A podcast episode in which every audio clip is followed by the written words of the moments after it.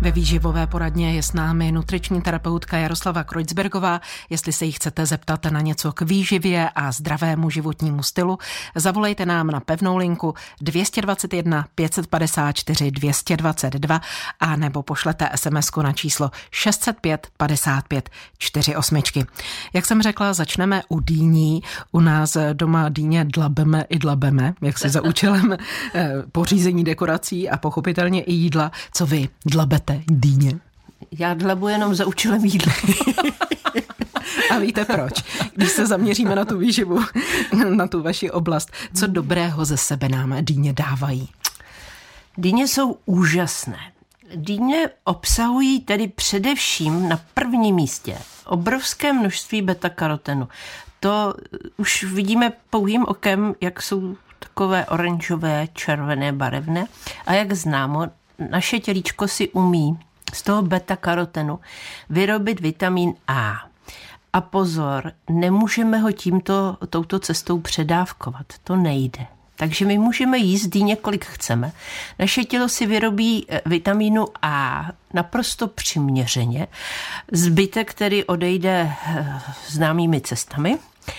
A je to jenom ku prospěchu věci. Pak obsahují eh, ta jako dyně obsahuje ještě další vitamíny. Ečko, Cčko, eh, obsahuje spoustu minerálních látek, eh, i takové ty úzkoprofilové, jako je třeba zinek. A zinku obsahují nejvíc semínka dýně. Takže v podstatě se dá dýně sníst úplně celá. Akorát u některých dýní, kromě snad Hokkaido nebo kromě dýně máslové, protože dýní je nějakých Takových 800 druhů. Určitě, my, my jich známe hrozně málo. Jako. A ta dýně obsahuje tedy poměrně velké množství zinku a dokonce i selénu. Ono hodně záleží na tom, kde ji pěstujeme, ale většina dýní ten selén dokáže ze země vyzískat, takže tím je nesmírně přínosná. Selén hned tak někde nenajdeme, snad v paraořeších, no a pak, pak už se to tak jako krátí, velmi krátí. No obsahuje i mangan, měď obsahuje. Takže ona obsahuje fakt přínosné věci. A obsahuje i draslík. A tady bych se chtěla zdržet, protože normální člověk potřebuje kolem 3000 mg draslíku tak na den, bajvoko. A zejména sportovcí, tam se potom potřeba draslíku ještě zvyšuje. Je pravda, že existuje je skupina lidí, která musí draslík omezovat a tam spočívá riziko dýně. Mm-hmm. Ale snad jediné, protože pokud jíme dýně dobře vyzrálí, eh, pokud jíme dýně jedlé, jedlé, protože ty okrasné jsou sice jedlé, ale nepříliš jedlé, takže pokud jíme ty správné dýně, tak si nemůžeme ublížit, dá se říci v jakémkoliv množství, eh, protože dýně obsahuje vlákninu a hodně vlákniny, ale je to jemná vláknina, pokud tedy nejíme tu šlubku. Jo, mm-hmm. a e, ta se dá skonzumovat, ale už je to tvrdá vláknina. Nebo semínka, to je také tvrdá vláknina, takže u nich musíme být obezřetní. A lidé, kteří mají třeba divertikly, tak zase, když sníte, no, když sníte pár semínek, nemůže se stát nic ani lidem z divertikly, ale kdybych měli pocit, že čím více, tím lépe, že tedy těch semínek potřebují hodně. A když jsou zdravá, tak čím více, tím lépe. Tak tam ne, prosím pěkně, všechno přiměřeně. No a z dyně uděláte cokoliv. A ještě to má málo kalorií. Takže vy se nasytíte a netloustnete. To, to je úžasná vlastnost, úžasná. Hmm, takže vlastně když si uvědomíme, tak ledviny, srdce, uh, játra, cévy, no... Všechno bude mít prospěch z dýní. Všechno prima, ale musíme ty orgány mít zdravé, jo? protože mm-hmm. právě u srdce a u ledvin to není ty dýně ve velké množství, tak úplně přínosné, ale v malém klidně. Jak u diabetiků, máme tady dotaz, jsem mm. cukrovkář, můžu normálně jíst dýni? No jasně. Víte, já mám pocit, že v předešlých letech jako vzniklo okolo diabetické diety spoustu fám. Jako kdyby to byla jediná dieta na světě. Já znám spoustu nemocí, kde ta dieta je maximálně důležitá.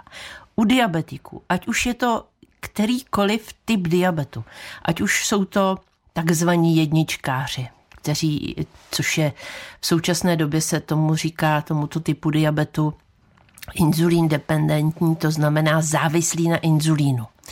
Nebo takzvaní dvojkaři. Jo, to vždycky slyšíte, já mám cukrovku, ale slabou. Já mám tu, ten typ, co nepotřebuje inzulín. Ono to není tak tak pravda. Taková legrace. Hmm. On, jo, protože to umí, taková dvojka umí být daleko nebo záludnější než třeba eh, jednička, která vás zavčasu varuje a vy se naučíte s ní zacházet, kdežto na tu ne, takzvaně ne nebezpečnou se dost kašle. Ale dieta k ní znamená, že můžete jíst všechno přiměřené množství. A protože dýně, co se týče živin, obsahuje sice především sacharidy, ale v kombinaci s vlákninou, eh, tuku 0,0 nic, bílkovin tedy taky téměř 0,0 nic, a tak si, je, si jich můžete dovolit hodně, protože každý, každý eh, diabetik nebo člověk, který se musí jakkoliv omezovat, má mít ve svém pokrmu snídaně, oběd, večeře, přiměřené množství sacharidů, aby, ho jeho tě, aby je jeho tělo umělo zpracovat. No a protože jich v dýně tak zoufale málo, včetně těch kalorií, tak se jich může na množství sníst dýně opravdu hodně. A velmi často jako uh, lidi si potrpí na tom mít hodně. Hodně, hodně, hodně na talíři, plný talíř. Můžu toho sníst, kolik chci, to je úžasné. Tak v tomto případě je to opravdu možné? Je to opravdu, je to opravdu možné, protože uh, těch sacharidů je tam fakt hodně málo. Jsou tam, jsou tam, hmm. ale navíc mají něco, čemu se říká nízký glykemický index. Jo? A to znamená, že než je strávíme a než sacharidy z dýně vlezou do krevního řečiště a doputují k buňce tam, kam doputovat mají, tak jim to trvá dlouho, pomalu a nevystřelí nám glykemie vysoko. Český rozhlas Plzeň, co vás zajímá? Pokračuje výživová poradna rádia vašeho kraje dnes s nutriční terapeutkou Jaroslavou Kreutzbergovou a někdo čeká na pevné telefonní lince 221 554 222. Dobrý večer. Dobrý večer. Tady posluchačka z Prahy. Mám prozbu. Mám v noci křeče v nohách. Co by bylo dobré, abych to neměla, kdybyste mi poradili. No, na prvním místě vám každý poradí hořčík. Co se týče jakoby vnitřních, eh, vnitřního prostředí, můžete ho zkusit, protože vám nemůže ublížit. Stačí si koupit v lékárně nějaký potravinový doplněk, který hořčík obsahuje. Já bych vám poradila, pokud, pokud budete schopna si to zařídit, já bych vám poradila mleté mandle. A mleté mandle, jo. Mleté mandle, jo. Takových 10 deka za den. A uh, hned poznáte, jestli ty křiče jsou z nedostatku hořčíku nebo draslíku nebo těchhle uh, nebo fosforu, protože to všechno v těch mandlích je. Nicméně, já bych si typla, že ty křiče mohou být od páteře. A když jsou v nohách, tak velmi pravděpodobně se to týká bederní páteře. Eh, vy si zajistěte dostatek tekutin na noc a hlavně eh, si jakoby odpozorujte, Vyzkoušejte třeba dvě, tři postele, jestli je doma máte a odpozorujte si, kde vás a kdy vás ty křeče v noci chytají. E, to bývá jeden z nejčastějších důvodů. Buď je to tedy, buď je to tedy vnitřní prostředí, ještě to může, mohou být cevy nebo neuropatické potíže a tam by ty mandle taky prospěly. Čili e, Nejčastější je to ta páteř a tam pak musíte vysledovat a eventuálně koupit novou madraci. Tak jo, děkuji vám moc. My děkujeme za zavolání. Hezký večer, naslyšenou. SMS nás vrací k dýním. Může se jíst syrová dýně? No, některé druhy. tak jako některé druhy, u některých druhů se může ta dýně jíst i se slupkou, třeba eh, dýně Hokkaido. Ty ostatní dýně, tuším, to, tu slupku mají moc tvrdou. A syrová dýně se může jíst, ale nevím, jestli je tak chuťově významná. Leda by se v něčem pokrájela a v něčem by se obalila, že by jí to dalo chuť, protože hmm. ona sama o sobě má strašně jemňonkou chuť. Takže je výborná, když ji třeba pokrájíme a, a opečeme s bramborama. Nebo Úplně super je, když vezmete mrkev, dýně a brambory, nakrájíte na kostičky. Jenom osolíte a okmínujete. Strčíte na plecha do trouby a zapečete. No to je taková lahůdka. Dobro, to je, to, to je pravda. A, a každá z těch tří, vlastně z těch tří zelenin má svoji specifickou chuť. Uh, takže ta dýně se, Hokkaido byste mohli, neublížíte si tím, když to budete jíst syrový, ale nebude vám to chutnat. Ale Hokkaido docela jde. A stejně tak eh, docela jde taková ta obrovská dýně. Hmm. Eh, já, já teď nevím, jak ona se jmenuje. Vidíte, já se budu muset podívat. Já Má slova? Mužká? Ne, ne, to jsou malý dýně. Já jsem si ty dýně vypsala, je. takže já se podívám do, do těch, protože jsem si říkala, to všechny ty druhy si nemůžu zapamatovat. Těch je tolik, že velkoplodá dýně koliáš už mám. Tak ta, tak tu taky můžete jíst, tu dužinu, jakoby syrovou. Semínka můžete jíst syrová, hmm. to je jasný. Květy dokonce. Hmm. Zkoušela jste někdy květ z dýně? Já ještě ne. Ne, ne, ale ne. Já říkala mi slichořeřišnice. Autorka květinových kuchařek Jana Vlková, že i z dýní můžeme jíst květy, tak můžeme někdy no, vyzkoušet. No vidíte, no když je oštěpujete, aby vám teda ty dýně narostly. Pěstovala jsem dýně. Jednou jsem vypěstovala ten, tu dýni goliáš. Otevírali jsme ji s kamarádkou sekerou, poněvadž jsme nevěděli, a vzali pilku a sekeru, aby jsme ji vůbec dokázali naporcovat, protože zabrala celý takový ta kolečko na zahradu, jo, tak to bylo plný jedné, jedné dýně. A dala se jíst. Jedli jsme ji i serovou, protože my už jsme nevěděli, co s ní. My jsme ji naložili, zapekli, rozdali a pořád jsme měli obrovský kusy dýně. Takže nezabije nás to, ale pozor, jedna výjimka u dýní je, nesmí být hořká. Jo, protože hořká dýně obsahuje jed, eh, když jí vlastně sníte kousek, tak vám nemusí být vůbec nic, ale zase se to odráží od množství té hořké dýně. Není vyzkoušeno kolik. Každý na to bude zřejmě citlivý různě, ale eh, je to jed, který dokáže vyvolat zvracení, závratě, velmi nepříjemné, eh, nepříjemné stavy a uh, jmenuje se kukurbitacin.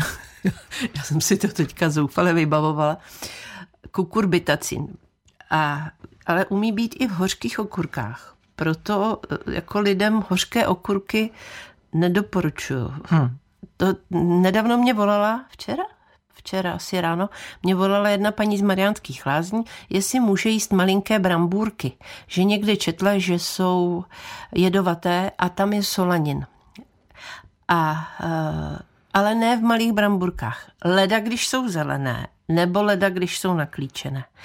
Pak je tam hodně solaninu. Takže eh, se nemusíme bát dýně, když není hořká. Ani okurky, když není hořká, ale tu hořkou nejeste. Já teda nevím, kdo by jí jet, ale... To jsem chtěla říci, že málo kdo by asi dostal chuť na větší množství no, hořké dýně. Někdy... Leda by se k tomu někdo nutil, že si řekne, dostanu do těla hořčiny. I tak to jsou lidé někdy, teď mě nenapadá nebo, to vhodné slovo, spytomělý prostě. Nebo někdy hodně spořivý. To A přece to nevyhodím. Hmm. Jo? To je stejné hmm. jako s kompotama. Když vám trošku splesnivý kompot, tak byste ho neměla jíst, protože je tam spousta eh, toxinů z těch plísní, i když tu plíseň ze zhora seberete, tak eh, bychom ho neměli jíst, takový velký kompot nebo zavařeninu, že? No ale vyhoďte to, když se, se s tím... Takže s bolestí v srdce vyhoďme ho. A k tomu nevyhazování toho, co je dobré, ano. Eh, co je možné jíst. Jak jste říkala, že jste vypěstovala obrovskou dýni a rozdávala a tak dále. Jak ideálně dýni zpracovat a zachovat tak, abychom zachovali zároveň ty dobré látky v ní? No, šetrně. Já jsem jednou měla velkou diskuzi s jednou, nebudu jí jmenovat, konzervárenskou firmou.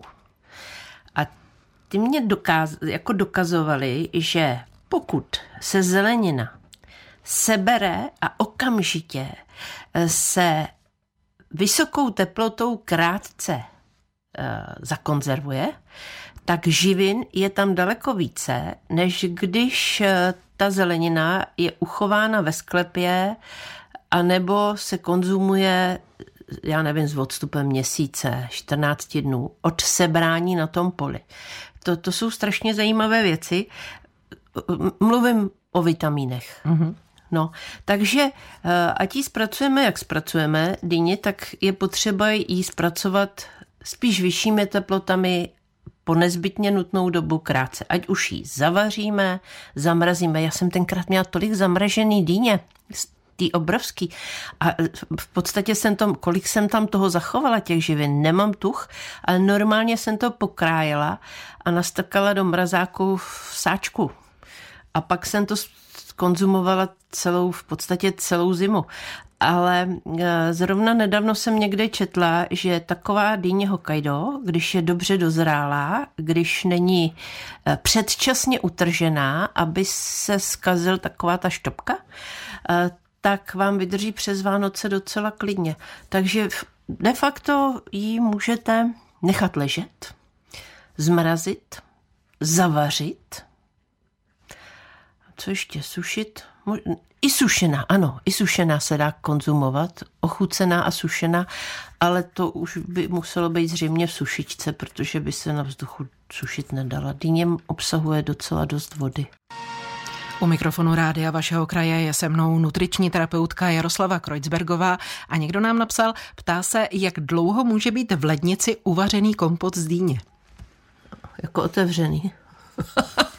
Protože zavřený tam může být klidně několik let. a je to škoda. Žere nám tam e, e, energii, že jo, teď se pořád šetří, takže takový uvařený kompot z dyně, e, dobře zavíčkovaný, zavařený, vydrží i mimo ledničku, ale možná, eh, že náš posluchač nebo posluchačka myslí, že když ho uvaří, dá ho do mističky, vloží ho do ledničky, jak dlouho tam vydrží. No a tady já bych řekla, než splesnivý. A, může plesnivět dost rychle, tak řekněme, když tam takhle stojí, tak 24, 48 hodin. Déle bych ho tam nenechávala. Také řeknu vlastní zkušenost je to díky těm plísním, který eh, viditelné nejsou, hmm. ale eh, de facto vznikají i okem nepostřehnutelné. Ale povedla se mi další husarský kousek, tady vidíte, že ani odborník jako není, nemá patent na rozum, tak jsem udělala skvělý zeleninový salát. Celer, jablko a mandarinky. A protože jsem ho udělala moc, žiju sama, tak jsem ho snědla trochu, druhý den zase trochu a když jsem snědla ten zbytek třetí den, tak, tak jsem bylo dobře. 24 hodin jsem se vyskytovala poblíž toalety, poněvadž když jsem vyšla na větší vzdálenost, tak... Tak už to nestíhala. tak, tak zpáteční cesta byla hrozně rychlá. Takže můžu říct, že jako skutečně to má svá rizika. A když se dostanete do takové situace, tak platí pravidlo proplachovat, proplachovat, proplachovat a nemusíte jako zdržet hladovku. Jo. Nějak nějak jako extrémně vás to neohrožuje, ale střeva pak musíte skutečně proplachnout nejlépe nějakým, nějakým léčivým čajem, třeba urologickým čajem nebo prostě nebo prostě nějakým, já nevím, řepíkem. Někdo nám telefonuje, dáme mu slovo. Dobrý večer. Dobrý večer, tady posluchačka z Plzně. Já mám jenom dotaz, jenom kromě té dýně, mě by ještě zajímalo ty křeče v nohách, jestli musí to být mleté mandle, nebo stačí normální mandle, prostě jenom spařené, které rozkoušeme vlastně. Nemusí to jestli být... je to nějaký rozdíl. Ne, nemusí to být vůbec mleté mandle. Ty mleté mandle jsem řekla kvůli tomu, protože jsem slyšela starší hlas posluchačky. A když sníte větší množství oříšků a už jste postarší, tak i když nemáte prokázané divertikly, tak je předpoklad, že by tam mohly být a pak by mohly způsobit nějakou nepříjemnou situaci. Ale když je to rozemleté a dobře zapité, eh, tak eh, ta, i u starších lidí jsou přínosné. Ale teď slyším mladý hlas, takže si to rozkousejte sama. A můžete jíst klidně i syrové, nemusí být vůbec tepelně zpracované. Aha, aha, dobře. Jenom Jo, hořkých za mandlí to. nejeste moc, protože tam je potom zase specifický, specifický jed. Jo? Dobře. Tak jo, tak děkuji moc a děkuji za ten recept za pečenou dýni. No to je tak, Tak jo, hrozně nashledanou. dobrý. Mějte se pěkně, Děkuji, naslyšenou. Přišly další dotazy. Když má větší brambor jedno zelené místo, dá se po vykrojení jíst, anebo je solanin v celém bramboru? Těžko říct. zodpovědně mohu říct, že, že nevím. A zase zodpovědně mohu říci, že jsem t- též měla poslední dva kusky bramboru, které byly vystavené světlu a z jedné strany byly malinko zelený, já jsem je uřízla a snědla a žiju. Jo, takže uh, těžko říct, jestli je potom solanin v celém bramboru, to nevím, ale určitě jako správně by se jíst neměli. A aby nám nezelenali, tak musí být ve tmě. Jakmile budou na světle, tak prostě vám se zelenají jakékoliv brambory. A eh, naklíčené brambory tam stačí, když eh, olámeme ty klíčky a eh, dobře ten brambor oloupeme. Nevařit ve slupce. Další dotaz. Zajímala by mě cuketa. V televizi říkali, že výživově je k ničemu. Je to pravda? Ne, kecaj. Tady vidíte, že i v televizi kecaj. Protože cuketa zase patří do tykmovitých stejně jako ta dýně a má spoustu minerálů, eh, také má ten hořčík a také má ten beta-karoten a je, má podobné vlastnosti jako dýně, přičemž teda cuketa má ještě méně eh, kalorií, takže, nebo méně energie, eh, takže ji můžeme sníst beztrestně, daleko větší kousek. Ale pozor, je-li hořká, má tam tak, taky ten eh, kukurbitacín. Řekl, doufám, že to říkám dobře. kukurbitacín, no. Čili ne hořkou a jinak v pohodě. A to není pravda. Cokoliv je k snědku, tak se nedá říci, že by to bylo bezcené. To v žádném případě.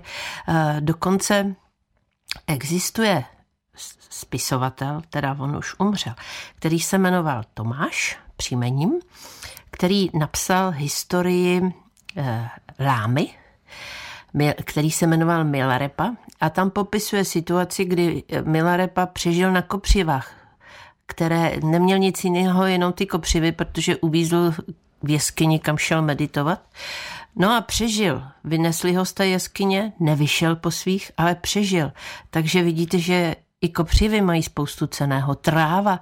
A když byl hladomor Ježíš Maria, tak se jedlo všechno. A dokonce jsem četla historii jednoho kmene indiánského od Amazonky a tam, když jakoby jsou záplavy, nemají zdroje potravinové, tak sbírají nánosy, jakoby bahení, dělají z nich kuličky a přežijou na těch kuličkách, že tam je lec jaký brouček, lec jaká bílkovina a, a přežijou. To je otázka, otázka přežití, takže kdybych měla hladomor a cukety ježiš, tak bych měla naději, že přečkám. Nezhoršuje trávení sladká tečka po obědě, ptá se paní Dana, jí 75 let. Já přidám informaci, kterou jsem vyčetla, možná hmm. mi vyvrátíte, že naopak sladká tečka po jídle je mnohem lepší, nevím jak tedy s trávením, ale třeba pokud se jedná o ten glykemický index a tak, než když si dáme dortík jenom tak. No, Jasně, protože se pomalý tráví, už tam máme v žaludku spoustu dalších věcí, že? Hmm. Všechno se to tam smíchá. Takže uh, jsme tu rychlost sacharidů, jednoduchých sacharidů, zpomalili. Uh, co se týče trávení, tady bych se zeptala, jestli to náš posluchač nebo posluchačka vyzkoušeli, protože to je jediná fungující cesta, neb trávíme každý jinak. Říká se tomu rychlost, jak trávíme, vyprazňování žaludku, gastric emptying, je specifický individuální. Každý ho máme trošku jiný. Někdo má rychlé trávení, někdo pomalejší trávení. A sladká tečka po jídle je vyzkoušeno od mnoha národů, že naopak je žádoucí, protože nám to jídlo jakoby ukončí. Jo, nekončíme pořád, že máme na něco chuť. Ještě a ještě bychom jedli a hmm. ještě bychom jedli, ještě bychom jedli. Umožní nám sníst přiměřené množství jídla. A ještě třeba francouzi to mají tak, že mohou zvolit sladkou tečku a nebo sír, specifické druhy síru, které mají také výraznou chuť. A ještě jsou to bílkoviny, takže ještě to trávení zpomalí a, a nekazí se po nich zuby. Český rozhlas Plzeň, co vás zajímá. Ve výživové poradně si povídáme s nutriční terapeutkou Jaroslavou Kreuzbergovou a opět se k nám někdo připojí na telefonní lince 221 554 222. Dobrý večer. Slyšíme se? Halo. Povídejte, jste ve vysílání. Halo. Ano, my vás posloucháme. Halo, slyš... Letos je velká... Pardon, letos je velká úroda vlašských ořechů. A já bych se chtěl zeptat, kolik jich tak můžu sníst? no, řekněme hrstičku, anebo dvě malé nebo tři malé hrstičky, ale hodně dobře rozkousat nebo rozemlít a zapít. Hlavně hodně zapít, ano, protože zase je to tvrdá. Oni jsou velmi přínosní, jako obsahují hrozně moc přínosných látek pro tělo, včetně tedy e, našeho nervového systému. Ale pozor, když jich sníte víc a dobře nezapijete nebo dobře nerozkousáte, tak můžete mít právě problém e, jako ze střevy, Jo, zase slyším malinko starší hlas. A e, druhý, druhé riziko, jediné, je, e, obsahují nebo jsou velmi energeticky vydatné, zhruba 700 kilokalorií na 10 deka. To znamená, že pokud jste štíhlý, rtuťovitý, tak klíďo 20 deka, 30 deka za den – za těch podmínek dobře rozkousat a hodně zapít. A pokud máte nadváhu nebo hodně velkou nadváhu, jste prostorově výraznější, tak v tom případě do těch deseti dek na den. Tak. Jo? Dobře, děkuji. My děkujeme za zavolání. Hezký večer. Hezký večer. Naslyšenou. Naslyšenou. No. Další dotaz přečtu. Vnučce 14-leté byl asi před měsícem diagnostikován reflux. Prý nesmí kakao, čokoládu. Ráno bere lék. Jak jinak se stravovat? No, já nevím. Tak čokoláda v přiměřené množství ani to kakao by mi nepřišlo tak nebezpečné, ale přišlo by mi nebezpečné a divné, že 14-letá dívčina má reflux nebývá to obvyklé. A spíš bych se zaměřila na její psychiku. Víte, v tomto období velmi často startují poruchy příjmu potravin, ke kterým patří bulimie, ku příkladu. A bulimie je vlastně situace, kdy děvčata si vyvolávají zvracení aby netloustli. Mají pocit, že když něco sní a pak to rychle vyzvrátí, že z toho nebudou žádné kalorie a oni nebudou uh, v úvozovkách tloustnout a budou hubnout. Ne, že by nehubli, ale podráždí, tímto systémem se podráždí jícen a, a poničí se sliznice vícnu. Takže reflux u mladého děvčete nevzniká pro nic za nic sám od sebe. Buď to je pod nějakým velkým psychickým tlakem, který špatně zvládá a nedošlo k bulimii, a nebo bych tam to podezření na tu bulimii měla a holčičku bych si pohlídala a hlavně bych s ní vedla uh, takové ty holčičí rozhovory. Protože víte, v tomhle věku člověk zpracovává nejrůznější témata. A ve 14 většinou holky zpracovávají kluky. A když babička začne vyprávět ze svého mládí a z historky kamarádek, tak i když třeba nad tím současná mládež, která bez mobilu v ruce a pohybující se na síti, tak pořád z toho lze lecos jakoby odvodit. A víte, zamilování, láska, rozchody, hm, to je pořád stejný. Ať se to odehrává, kde se to odehrává. Na tom se po staletí nemění téměř vůbec nic, protože to jsou ty city a ty emoce člověčí, které mají akorát jinou, trošku jinou formu, trošku jiný převlek, ale jinak je to pořád jedno a to samé.